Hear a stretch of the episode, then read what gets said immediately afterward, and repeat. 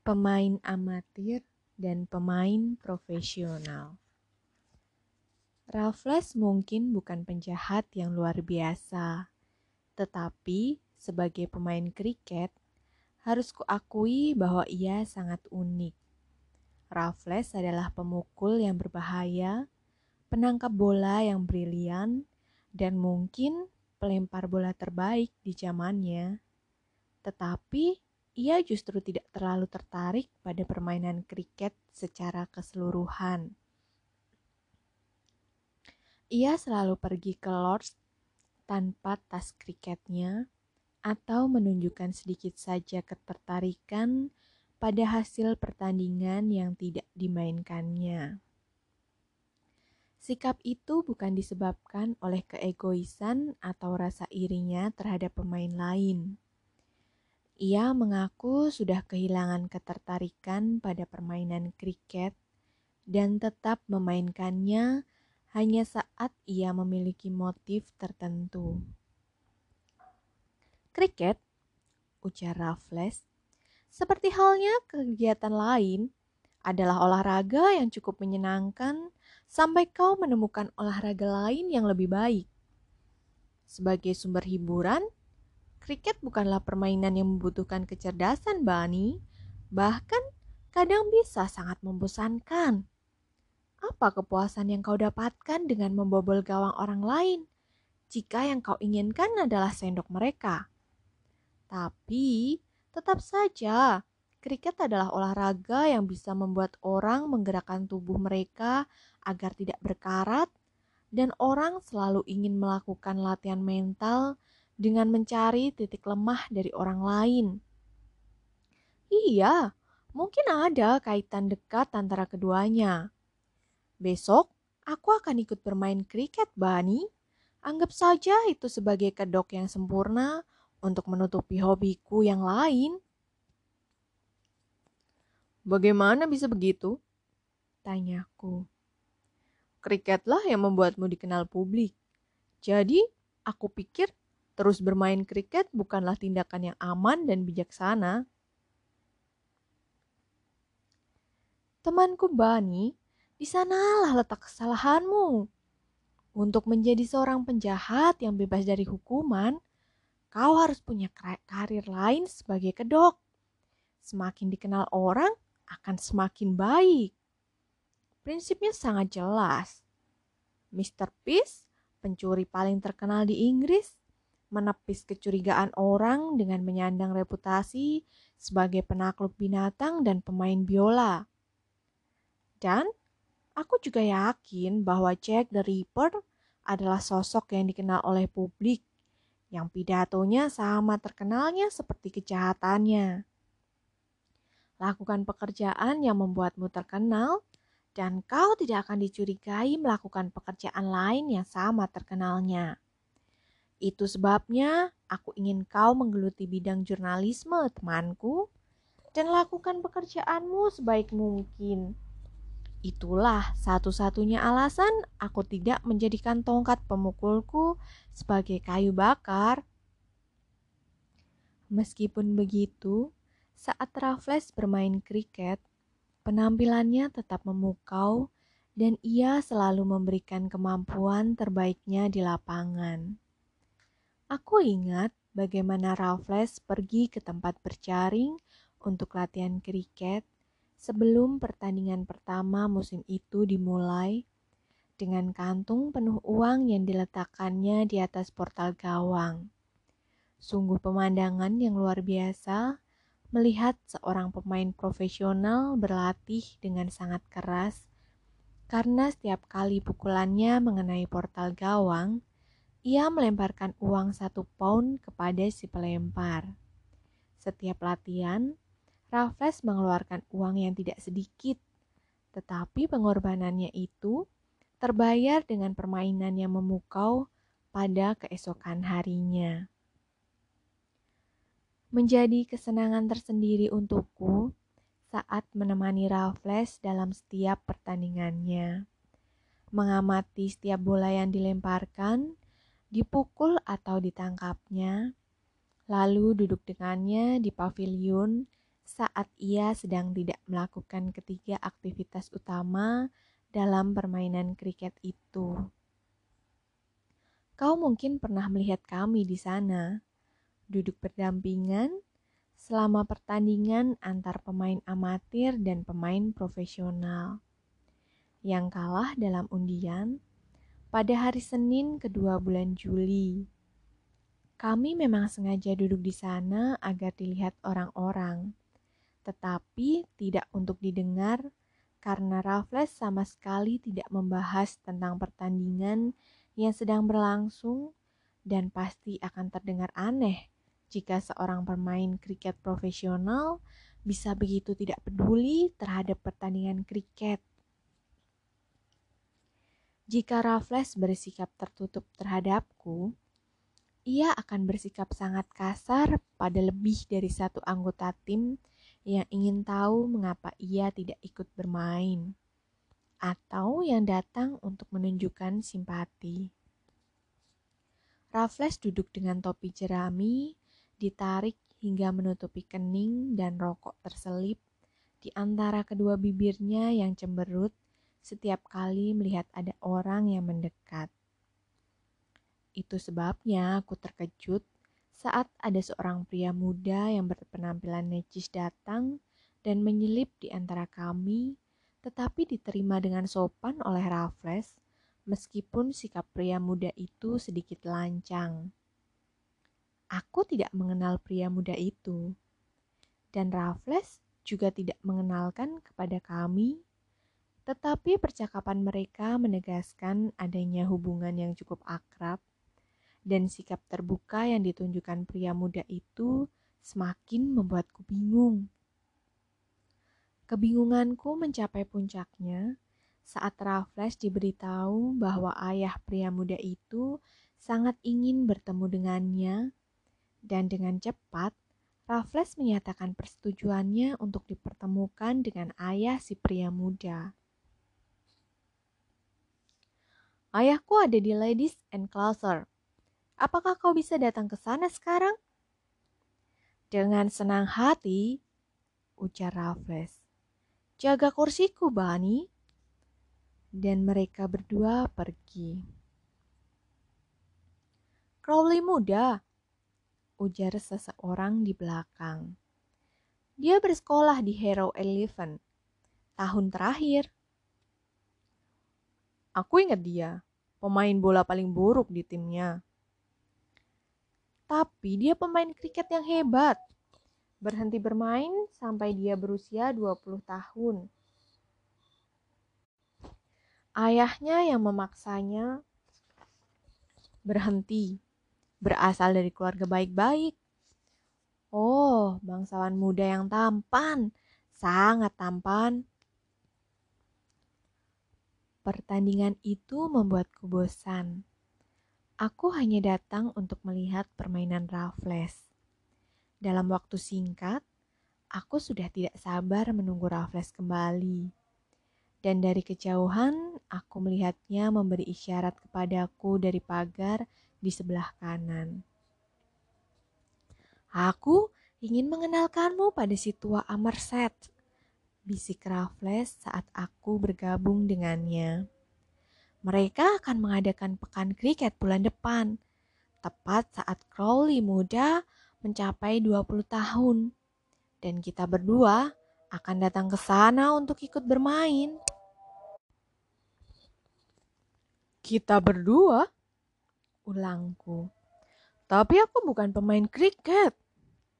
Tutup mulutmu, bisik Raffles. Serahkan saja semua kepadaku. Aku ahli dalam berbohong. Tambah Raffles dengan murung saat kami sampai di anak tangga terbawah. Aku percaya kau tidak akan mengacaukannya. Ada kilat jahil di mata Raffles yang sudah sangat kukenal. Tetapi aku tidak mengerti apa maksudnya karena kami sedang berada di lingkungan baik-baik. Dengan perasaan curiga dan menduga-duga, Aku mengikuti Raffles berjalan ke tenda wanita yang dipenuhi topi berhiaskan bunga. Lord Amerstead adalah seorang pria berwajah tampan dengan kumis pendek dan berdagu belah. Ia menerimaku dengan sikap dingin yang menunjukkan bahwa ia menganggapku tidak penting aku diterima hanya sebagai tambahan yang tidak terhindarkan dari Raffles yang sangat berharga. Dan itu membuatku merasa sedikit tersinggung.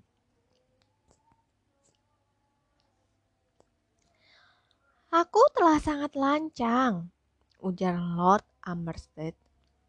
Meminta salah satu pemain kriket terbaik di Inggris datang dan bermain kriket untuk kami bulan depan. Dia sangat baik dengan mengatakan akan dengan senang hati melakukannya. Tapi karena ekspedisi memancingmu, Mister, Mister.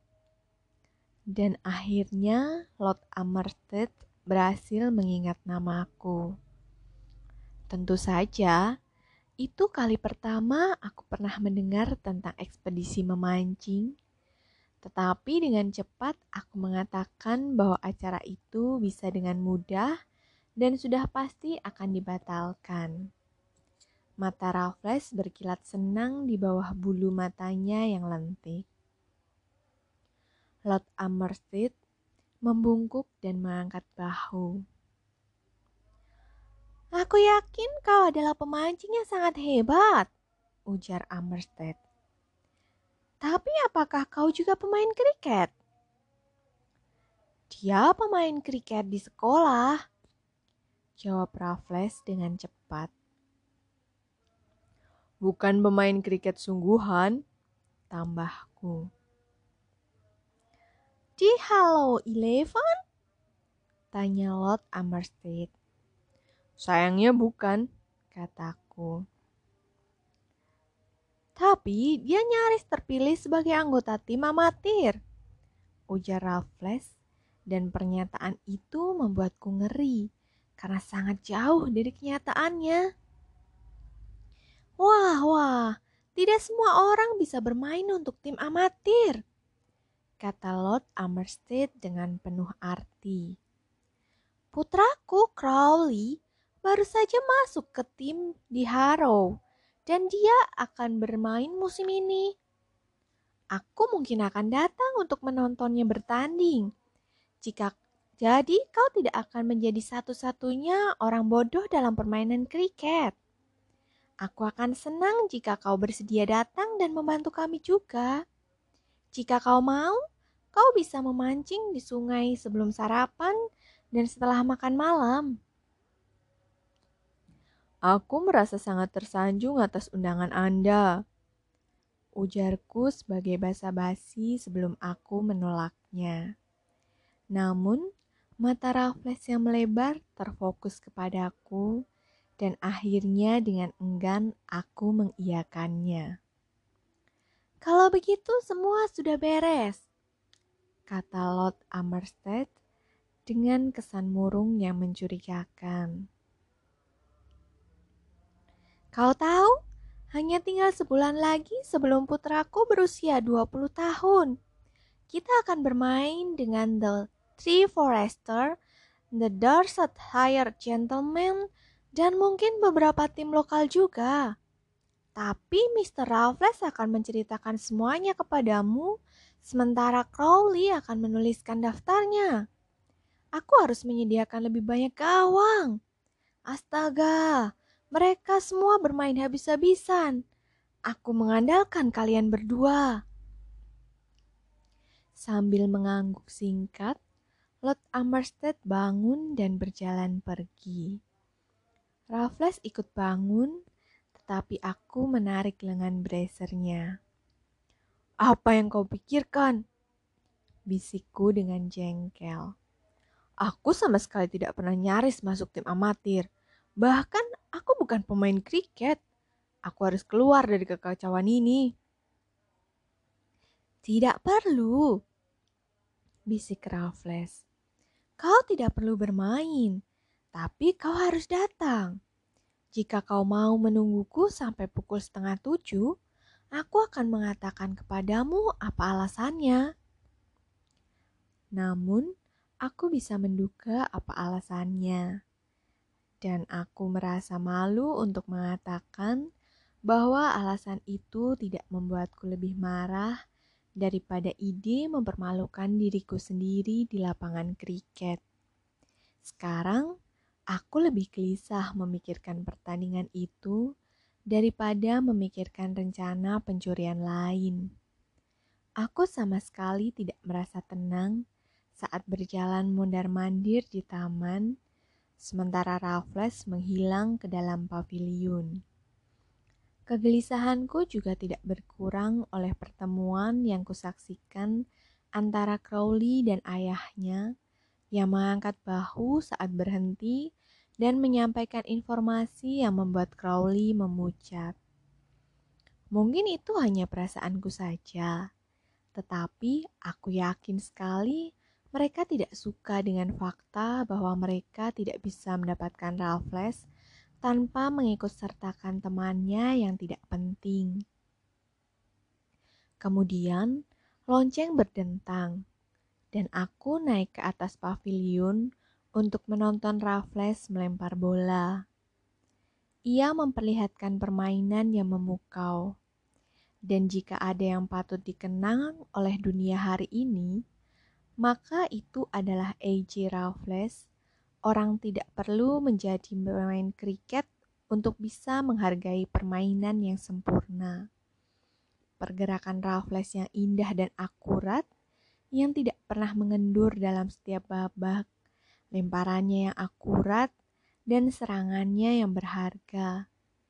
Itu bukan sekedar pertunjukan kemampuan atletis, tetapi juga kemampuan intelektual, dan di mataku, permainan itu memiliki arti khusus. Aku melihat keterkaitan erat di antara keduanya. Dalam pertandingan sore itu, antara pemain amatir dan pemain profesional. Yang aku kagumi bukanlah, bukanlah permainan memukau Raffles. Yang aku kagumi dan yang akan selalu kuingat adalah kombinasi antara kemampuan fisik dan kecerdikan, kesabaran dan ketepatan, kerja keras dan kecakapan yang membuat permainan itu terasa memiliki seni. Melalui permainan itu, aku melihat sisi Raffles yang hanya diketahui olehku. Sore ini, aku ingin menjadi pelempar. Ujar Raffles kemudian saat kami berada di dalam kereta kuda. Dengan kondisi lapangan yang membantuku, aku bisa melakukan sesuatu yang besar. Tiga lawan empat puluh satu. Dan itu bukan prestasi yang terlalu buruk untuk pemain sepertiku. Tapi aku merasa marah. Tidak ada yang membuatku lebih marah daripada saat aku ditanya tentang permainan kriketku. Seolah aku adalah pemain yang serba tahu. Kalau begitu, mengapa kau setuju untuk datang? Untuk menghukum mereka. Dan karena kita harus bersenang-senang, Bani sebelum musim berakhir. Ah, seruku, sudah kuduga. Tentu saja itu alasanku. Sepertinya mereka akan sangat sibuk minggu ini. Pesta dansa, pesta makan malam, acara-acara yang dimaksudkan untuk saling pamer. Dan yang pasti akan ada banyak sekali berlian di sana. Berlian yang melimpah ruah. Sebagai peraturan dasar, aku tidak akan menyalahgunakan posisiku sebagai tamu. Aku tidak pernah melakukan itu, Bani. Tapi dalam kasus ini, kita dipekerjakan layaknya pelayan dan pemain musik. Dan tentu saja, kita akan meng mengambil bayaran kita. Ayo, kita pergi makan malam di suatu tempat dan membahas rencana kita. Sepertinya itu jenis pencurian yang cukup vulgar. Aku tidak bisa mencegah diriku berkomentar demikian. Dan sebagai respon dari protesku itu, Raffles langsung mengiyakan. Memang cukup vulgar, ujar Raffles. Tapi aku tidak bisa mencegahnya. Kita terpaksa harus melakukannya dengan cara itu, setidaknya untuk kali ini. Lagi pula, orang-orang itu pantas mendapatkannya dan mereka tidak akan rugi banyak. Dan jangan mencoba melarikan diri dengan pemikiran bahwa semua akan berjalan dengan mudah dan lancar. Tidak ada yang lebih mudah daripada mendapatkan beberapa barang, dan tidak ada yang lebih sulit daripada menghindari semua kecurigaan. Seperti yang tentu saja harus kita lakukan. Kita mungkin tidak akan mendapatkan hasil apa-apa, meskipun sudah membuat perencanaan yang matang. Siapa tahu, bagaimanapun juga, kita punya waktu berminggu-minggu untuk memikirkannya. Namun, selama berminggu-minggu itu, aku tidak akan membuatmu bosan dengan dengan berkomentar bahwa proses berpikir dilakukan sepenuhnya oleh Raffles yang tidak selalu mau repot-repot menyampaikan pemikirannya kepadaku. Meski demikian, sikap tertutup Raffles tidak lagi membuatku marah. Aku sudah mulai menerimanya sebagai perjanjian yang diperlakukan dalam kerjasama kami. Dan setelah petualangan terakhir kami yang luar biasa, lebih tepatnya setelah akhir yang di luar dugaan, kepercayaanku terhadap Raffles terlalu kokoh untuk bisa digoyahkan oleh keinginan di dalam diriku untuk dipercaya olehnya. Keinginan yang masih kuyakini sebagai insting penjahat daripada penilaian seorang manusia. Suatu hari, hari Senin tanggal 10 Agustus, kami pergi ke Milchester Abbey, Dorset, dan di awal tahun kami pergi berlayar di kota tersebut dengan alat pancing sungguhan di tangan kami. Idenya adalah setidaknya kami pernah sekali memiliki reputasi sebagai pemancing dan untuk lebih mengenal wilayah pedesaan. Tujuannya adalah untuk mendukung rencana kami pada acara besar yang akan diselenggarakan sebentar lagi. Ada ide lain yang dirahasiakan Raffles dariku sampai kami tiba di sana. Suatu hari, ia mengeluarkan bola kriket saat kami sedang melintasi padang rumput dan ia mengajariku cara menangkap bola selama sejam.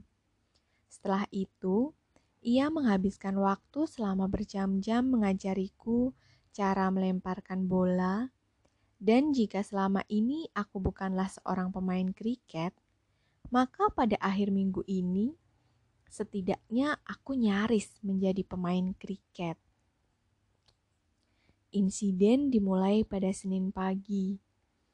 Hujan turun tiba-tiba, membuat kami harus berlari dari persimpangan yang berjarak beberapa mil dari Milchester menuju penginapan untuk berteduh seorang pria berwajah merah yang mengenakan pakaian berlebihan sedang minum di ruang tamu. Dan aku yakin sekali bahwa keberadaan pria itulah yang membuat langkah Raffles terhenti di ambang pintu. Setelahnya, ia bersikeras agar kami kembali ke stasiun di tengah guyuran hujan.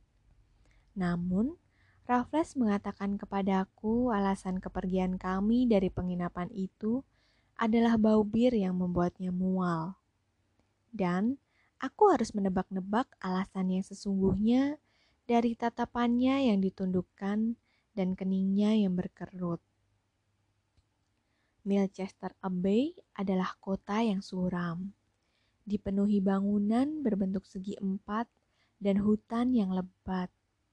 Setiap rumahnya memiliki tiga baris jendela kuno yang dari masing-masing jendela tersebut tampak cahaya lampu saat kami kembali tepat pada waktunya untuk berganti pakaian sebelum makan malam. Kereta kuda membawa kami melewati entah berapa banyak gapura yang masih dalam proses pengerjaan. Kami juga melewati sejumlah tenda serta tiang bendera di area yang terlihat seperti lapangan kriket. Dan di sanalah Raffles akan membuktikan reputasinya. Namun, acara puncaknya ada di dalam rumah, tempat diselenggarakannya pesta besar-besaran dengan segala kemegahan, kemewahan, dan kekuasaan yang belum pernah kulihat sekaligus dalam satu ruangan. Harus kuakui, nyaliku sempat ciut.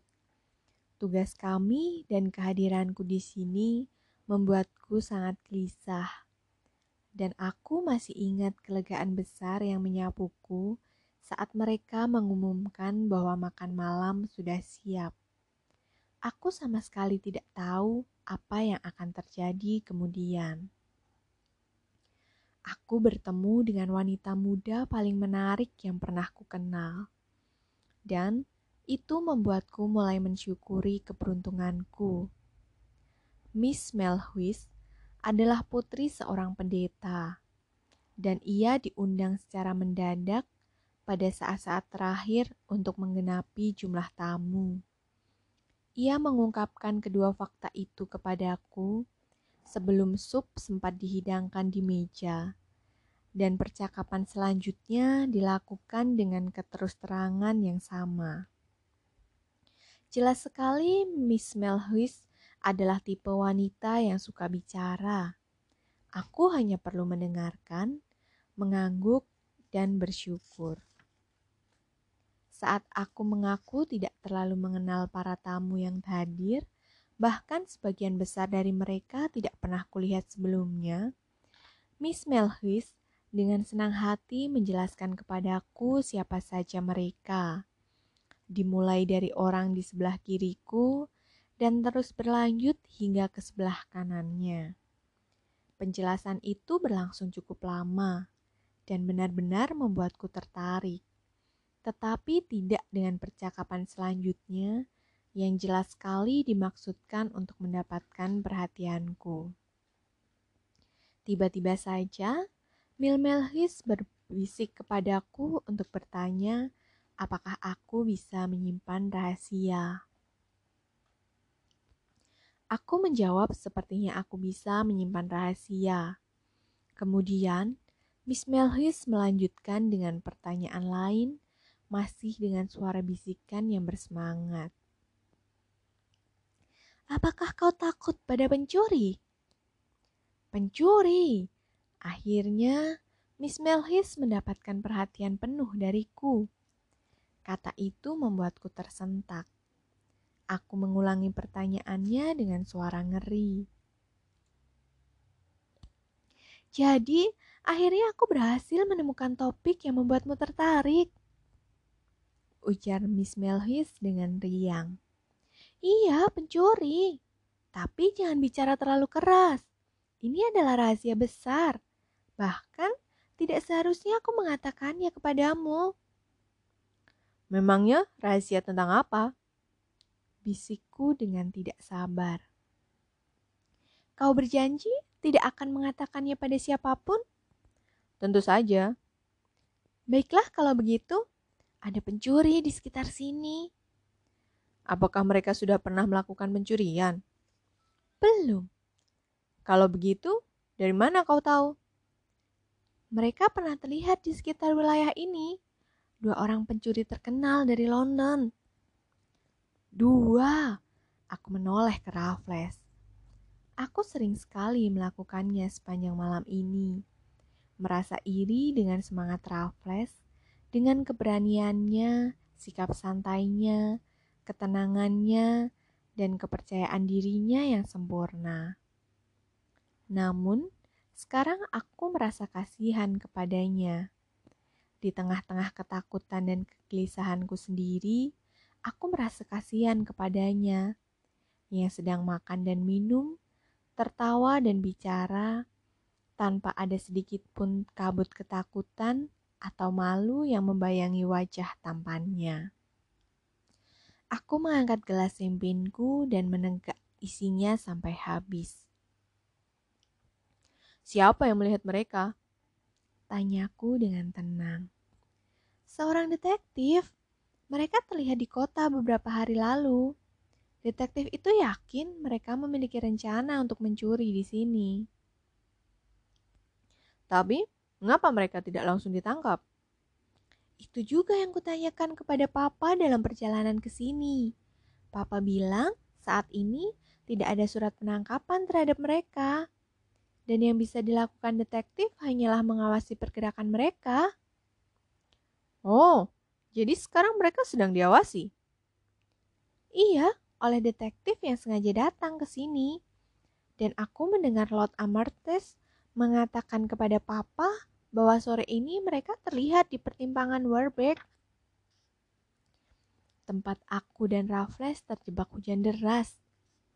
Alasan kepergian dari penginapan yang terkesan sangat tergesa-gesa akhirnya terjawab. Di sisi lain, aku tidak lagi terkejut oleh apa pun yang mungkin dikatakan oleh Miss Melhuis dan akhirnya aku bisa menatap wajahnya sambil tersenyum.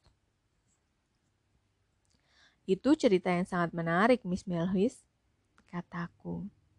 Boleh aku tahu bagaimana kau bisa tahu banyak soal itu? Dari papa, jawab Miss Melhis dengan suara berbisik. Lord Amersit berkonsultasi kepada papa, dan papa berkonsultasi kepada aku. Tapi demi Tuhan, jangan sampai kabar itu tersebar luas. Aku sendiri tidak tahu apa yang mendorongku untuk mengatakannya kepadamu. Mungkin karena kau mempercayaiku, Miss Melhis. Tapi, apakah kau tidak takut? Miss Melhis terkikik. Sedikit pun tidak. Mereka tidak mungkin datang ke rumah pendeta. Tidak ada yang bisa dicuri di sana. Tapi, lihatlah ke sekeliling meja ini. Lihatlah berlian yang bertaburan di sini. Lihatlah kalung yang melingkari leher Lady Melrose.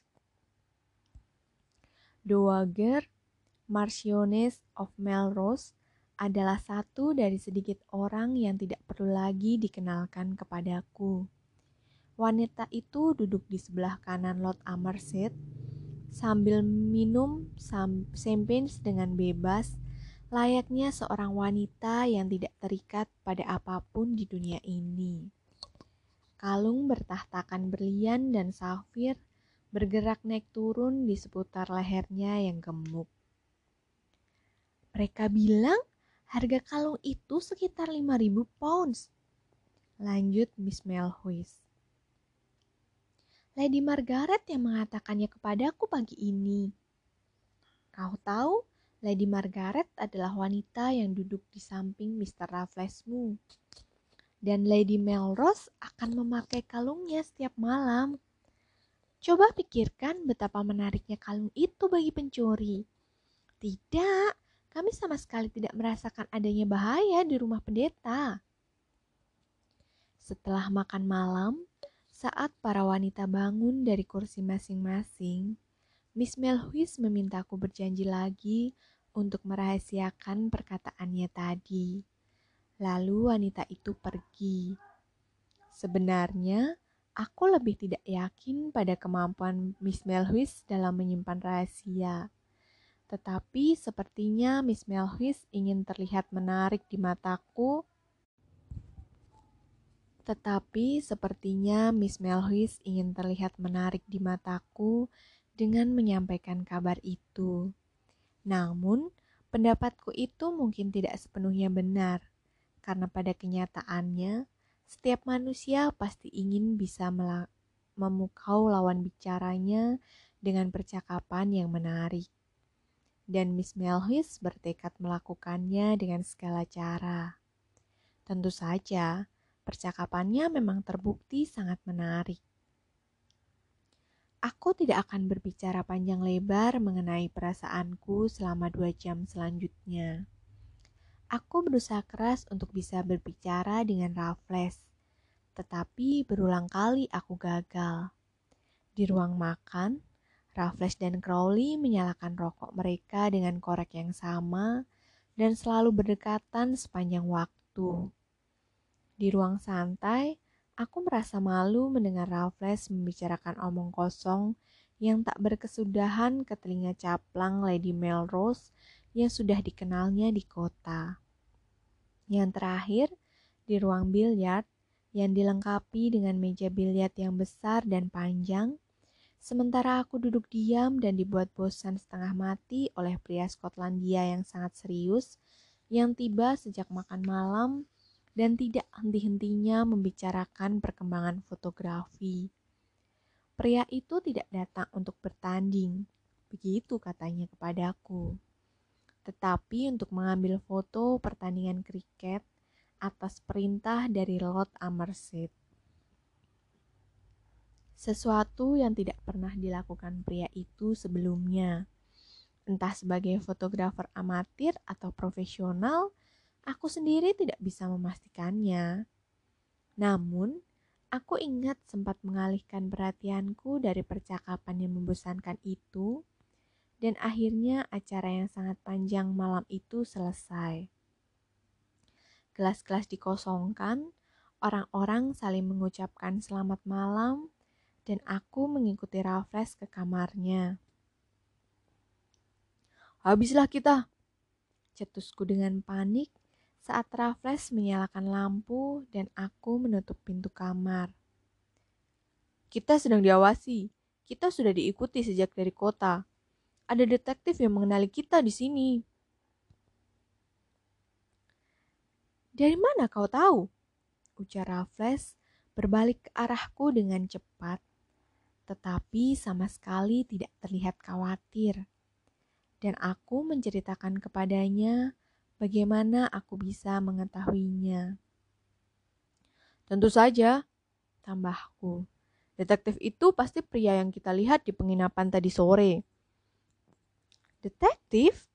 Ujar Raffles. Maksudmu, kau tidak tahu bagaimana cara mengenali seorang detektif, Bani? Jika pria itu bukan detektif, lalu siapa? Raffles menggeleng. Kau sudah berbicara dengannya selama sejam terakhir di ruang biliar, tapi kau tidak tahu siapa dia. Fotografer dari Skotlandia. Aku terpengarah, terperangah.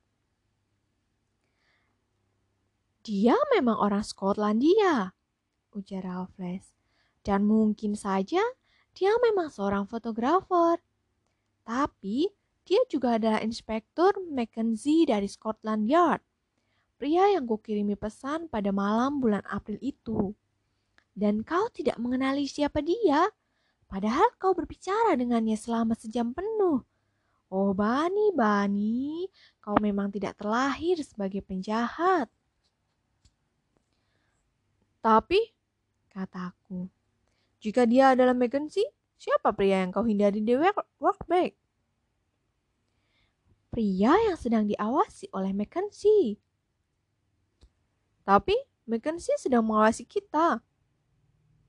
Raffles menatapku dengan sorot kasihan dan menggeleng lagi sebelum menyodorkan kotak rokoknya kepadaku.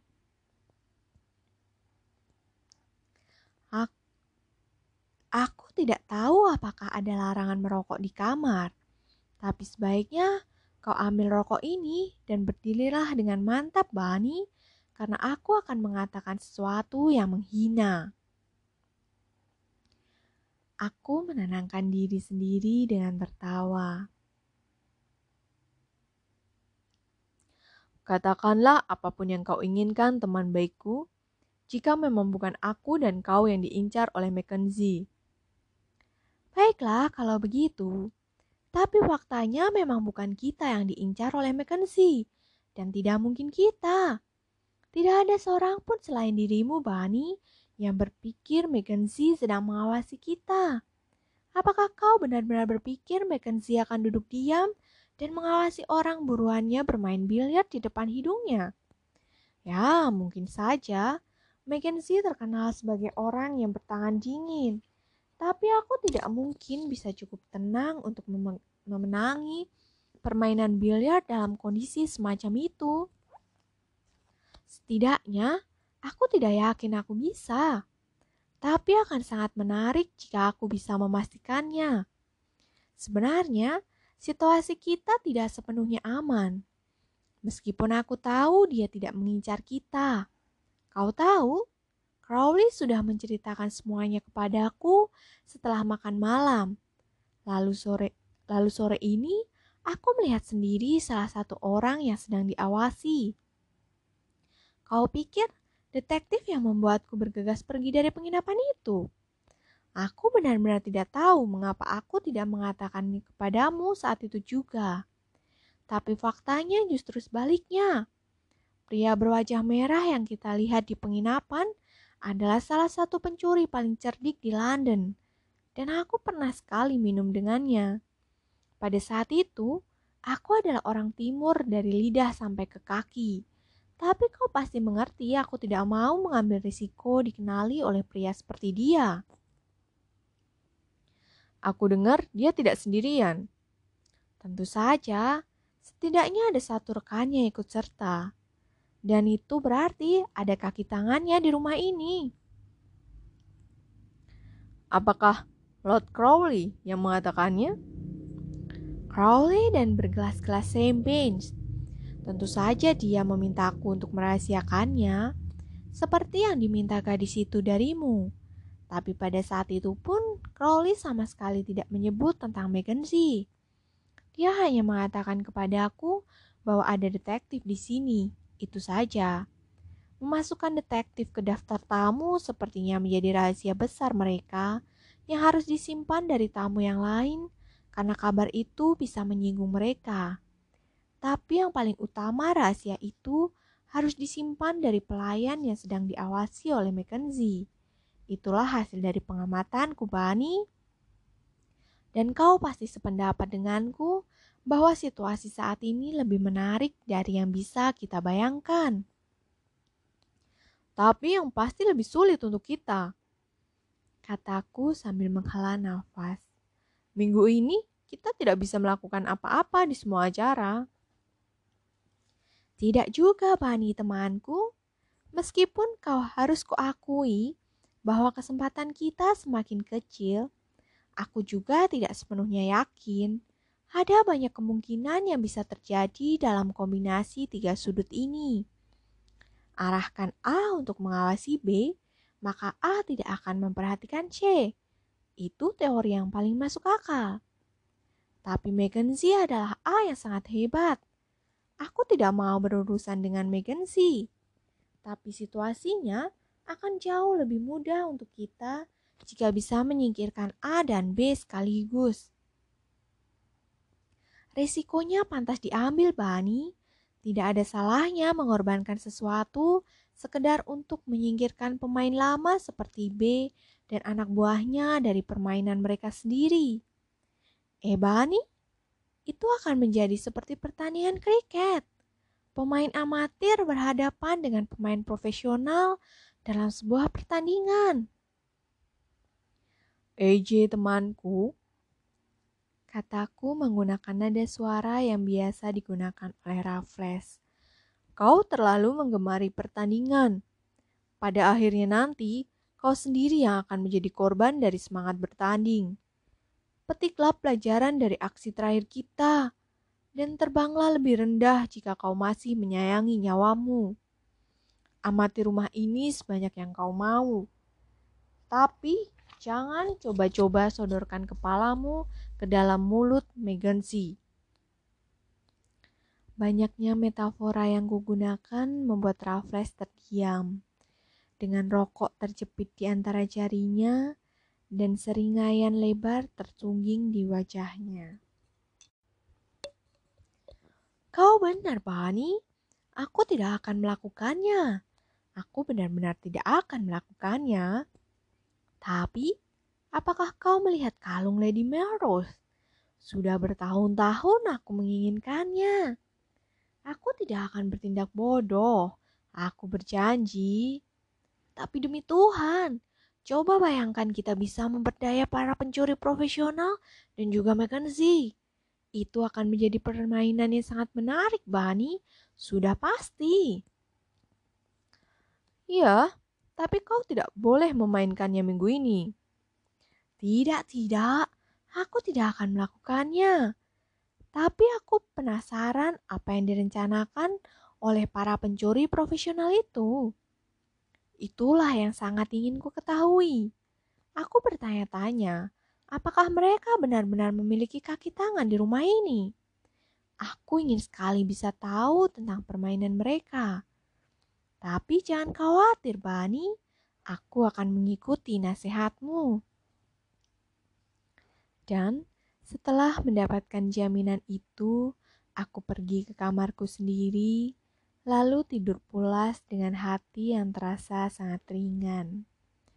Aku masih memiliki cukup banyak kejujuran di dalam diriku untuk bisa menerima penundaan aksi kami, untuk memikirkan rencana kami dengan lebih masak, untuk mempertimbangkan setiap aspeknya, yang sebenarnya hanyalah cara lain untuk menegaskan fakta yang sudah sangat jelas bahwa aku adalah pria yang jauh lebih lemah dibandingkan Raffles, tetapi sama jahatnya.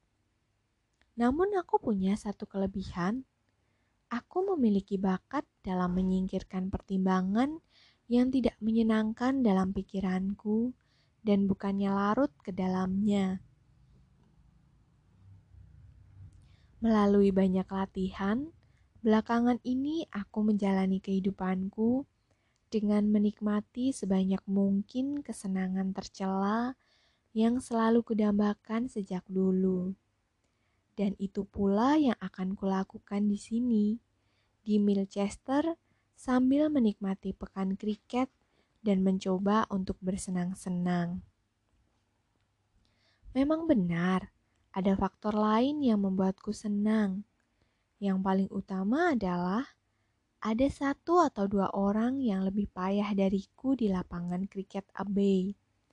Pada awal minggu ini, aku cukup sering mendapatkan tangkapan yang beruntung di lapangan. Bola yang hanya ku dengar suara dengungannya tertangkap oleh tanganku. Bahkan Lord Amerset turut memberi selamat kepadaku di depan umum.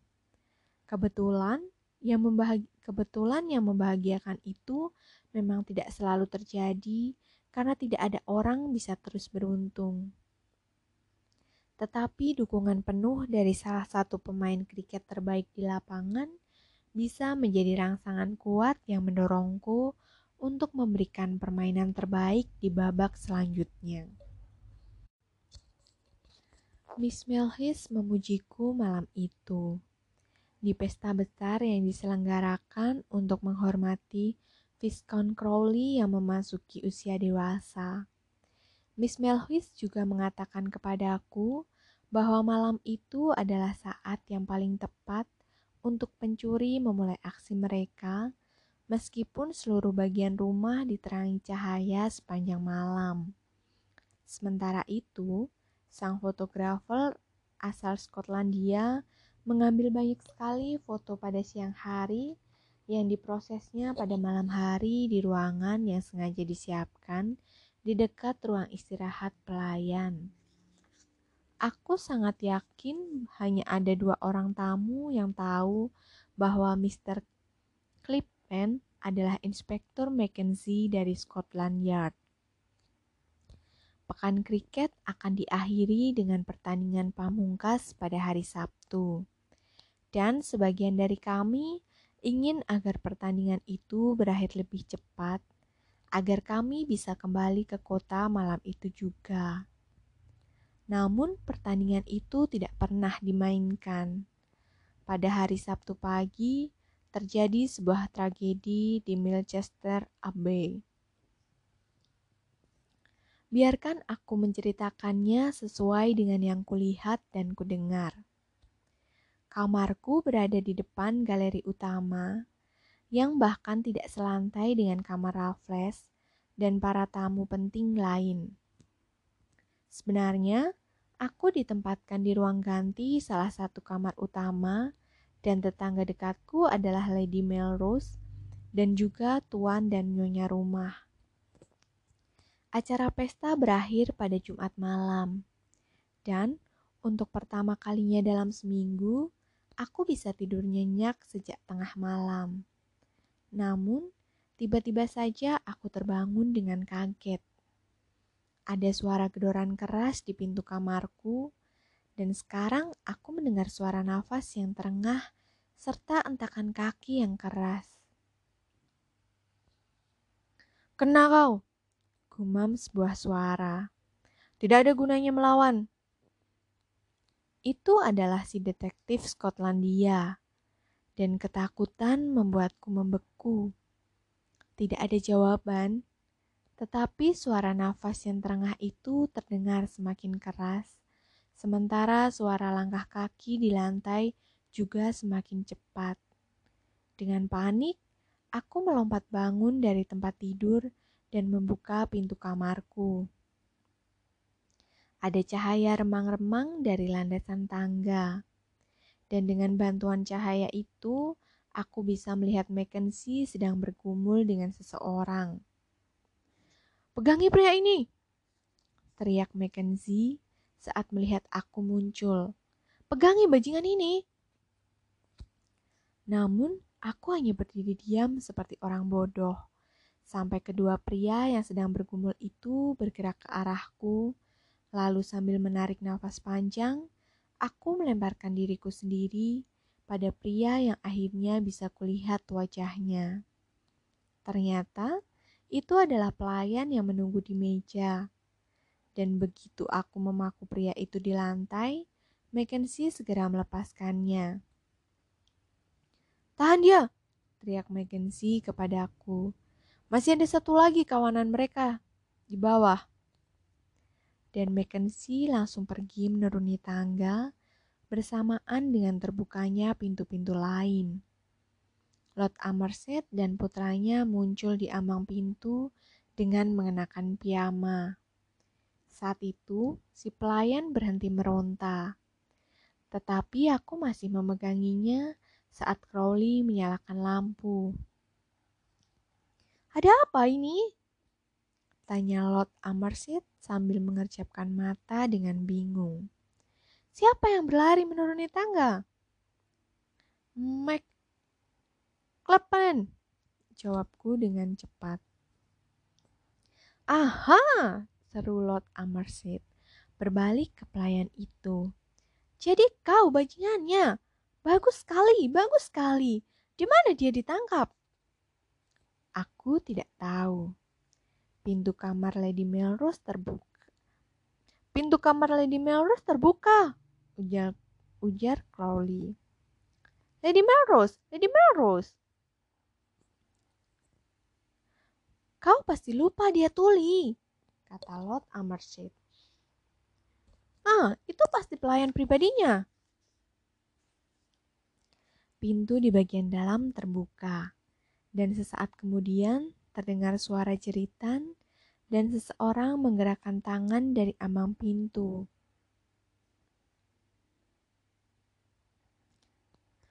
Tapi bagaimana keadaan madam? Apakah dia baik-baik saja? Jendela ter... Iya, tuanku, dia sedang tidur. Jendela terbuka dan kotak perhiasannya hilang. Ya Tuhan! Teru Lord Amershid. Dia bisa tidur di tengah semua keributan ini, komentar sang Lord. Pasti hanya dia satu-satunya orang yang bisa melakukannya.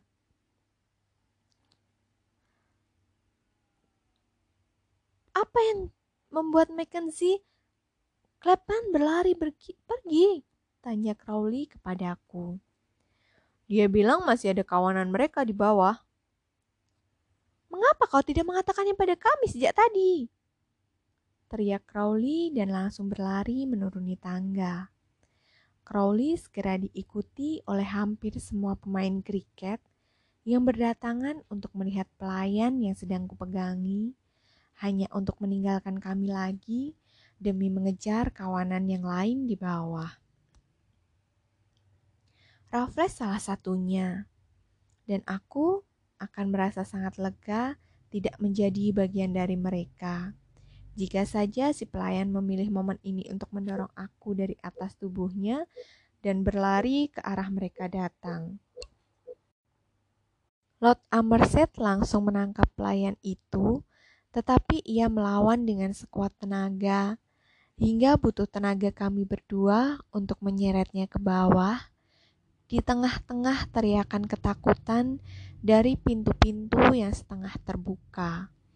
Akhirnya, kami menyerahkannya kepada dua pelayan lain yang muncul masih dengan mengenakan pakaian tidur. Lord Amerset cukup baik hati untuk memujiku saat ia mengajakku pergi keluar. Aku pikir aku mendengar suara tembakan. Tambah Lord Amerset. Apakah kau juga mendengarnya? Aku pikir aku mendengar suara tiga tembakan dan kami keluar ke halaman yang gelap. Aku ingat bagaimana batu kerikil menusuk telapak kakiku, bagaimana rumput basah membuatnya mati rasa saat kami berjalan ke arah sumber suara di halaman depan. Malam itu sangat gelap, hingga kami sudah berada di tengah-tengah para pemain kriket. Bahkan sebelum kami melihat warna piyama mereka, Lalu Lord Amersit menunduk ke arah Mackenzie yang berbaring tidak sadarkan diri di atas rumput. Siapa ini? teriak Lord Amersit. Apa sebenarnya yang terjadi? Itu Clapburn, ujar salah satu pria yang berlutut di depan Lord Amerset. Dia tertembak di suatu tempat. Apakah dia masih hidup? Hampir tidak, Astaga, di mana Crowley? Aku di sini. Teriak sebuah suara yang terengah. Tidak ada gunanya teman-teman. Tidak ada yang tahu ke mana mereka pergi. Aku bersama Raffles. Dia juga kehilangan jejak mereka. Ya, setidaknya kita berhasil menangkap salah satu dari mereka. Gumam Lord Amerset. Yang harus kita lakukan sekarang adalah membawa pria malang ini ke dalam rumah. Seseorang angkat bahunya. Sekarang angkat bagian tengah tubuhnya. Letakkan tangan kalian di bawah tubuhnya dan angkat dengan perlahan. Semuanya angkat sekarang. Bawa dia ke arah sana. Pria yang malang, pria yang malang. Nama aslinya bukanlah Clapon. Dia detektif dari Scotland Yard yang datang ke sini untuk mengejar para pencuri itu. Raffles adalah orang pertama yang menunjukkan keterkejutan, tetapi ia juga orang pertama yang mengangkat Mackenzie yang terluka parah. Tidak ada satupun dari mereka yang lebih kuat atau lebih lembut dari Raffles saat membawa Mackenzie ke dalam rumah. Kami membaringkan Mackenzie yang tidak sadarkan diri ke atas sofa di perpustakaan. Dan di sana, setelah lukanya dikompres dengan es dan diberi minum brandy, Mackenzie membuka mata dan menggerakkan bibirnya. Lord Amerset menunduk untuk mendengar apa yang ingin dikatakan oleh Mackenzie. Ya, ya, ujar Lord Amerset. Kita berhasil menangkap satu orang dalam keadaan baik. Bajingan yang kau tangkap di atas, ujar Lord Amerset menunduk lebih rendah.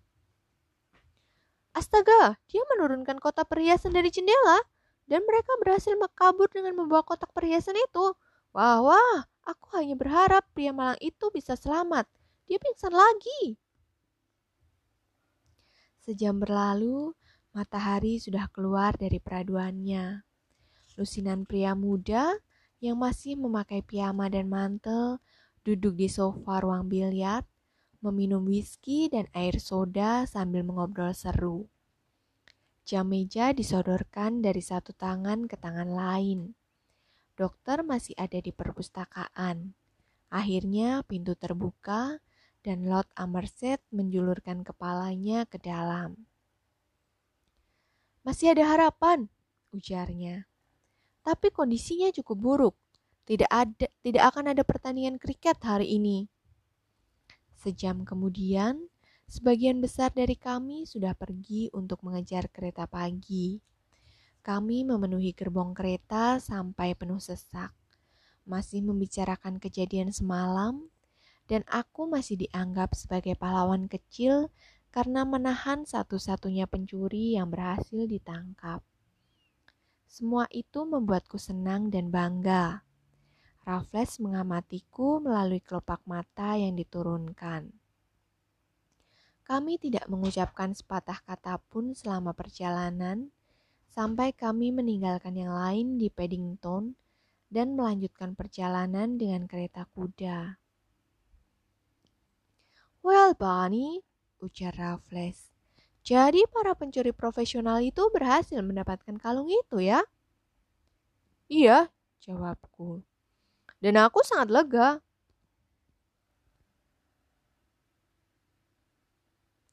Mackenzie yang malang terkena tembakan di dadanya.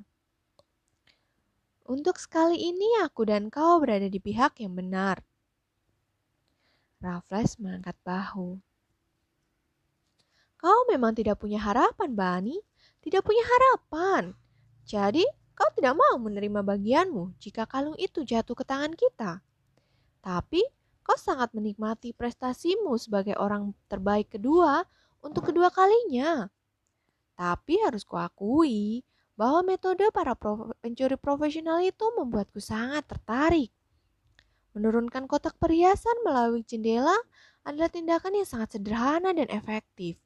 Dua rekannya yang lain pasti sudah menunggu di bawah selama berjam-jam. Dari mana kau tahu? Tanyaku. Aku melihat mereka secara langsung dari jendela aku sendiri yang berada tepat di atas jendela Lady Melrose.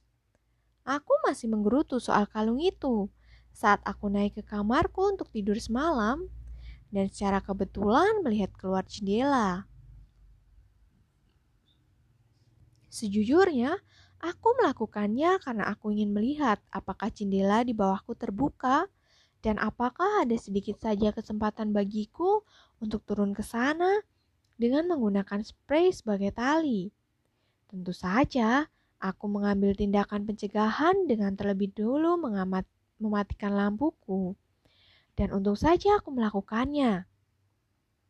Aku melihat para pencuri profesional itu tepat di bawahku, dan mereka tidak pernah melihatku.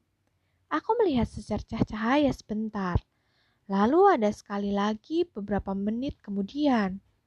Tentu saja aku tahu apa itu karena aku sendiri memiliki jam tangan yang dilapisi cat menyala.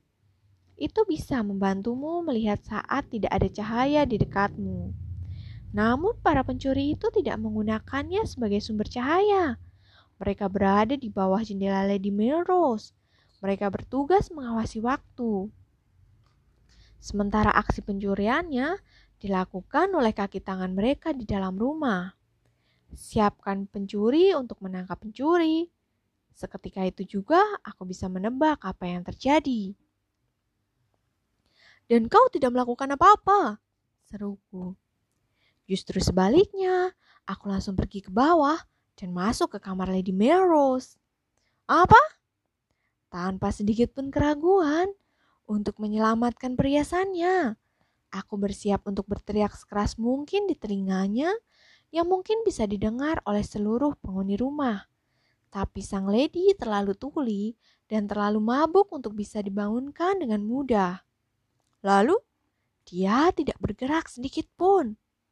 Dan kau membiarkan para pencuri profesional begitu julukanmu untuk mereka mengambil perhiasannya satu kotak penuh? Semuanya kecuali yang satu ini. Ujar Raffles menyodorkan kepalan tangannya ke atas pangkuanku. Aku ingin menunjukkannya kepadamu sebelumnya, tapi sungguh teman, ekspresimu sepanjang hari ini sama berharganya seperti perhiasan ini. Dan Raffles membuka kepalan tangannya untuk memperlihatkan seuntai kalung bertahtakan berlian dan safir yang terlahir kulihat melingkari leher Lady Melrose.